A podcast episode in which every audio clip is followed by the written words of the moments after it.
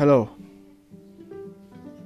my name is David Sahi, and currently I am living in the country called Nepal, and I am living in the Kathmandu Valley, which is the capital city of Nepal. And currently, I am studying. I am a student. I am an MBA student.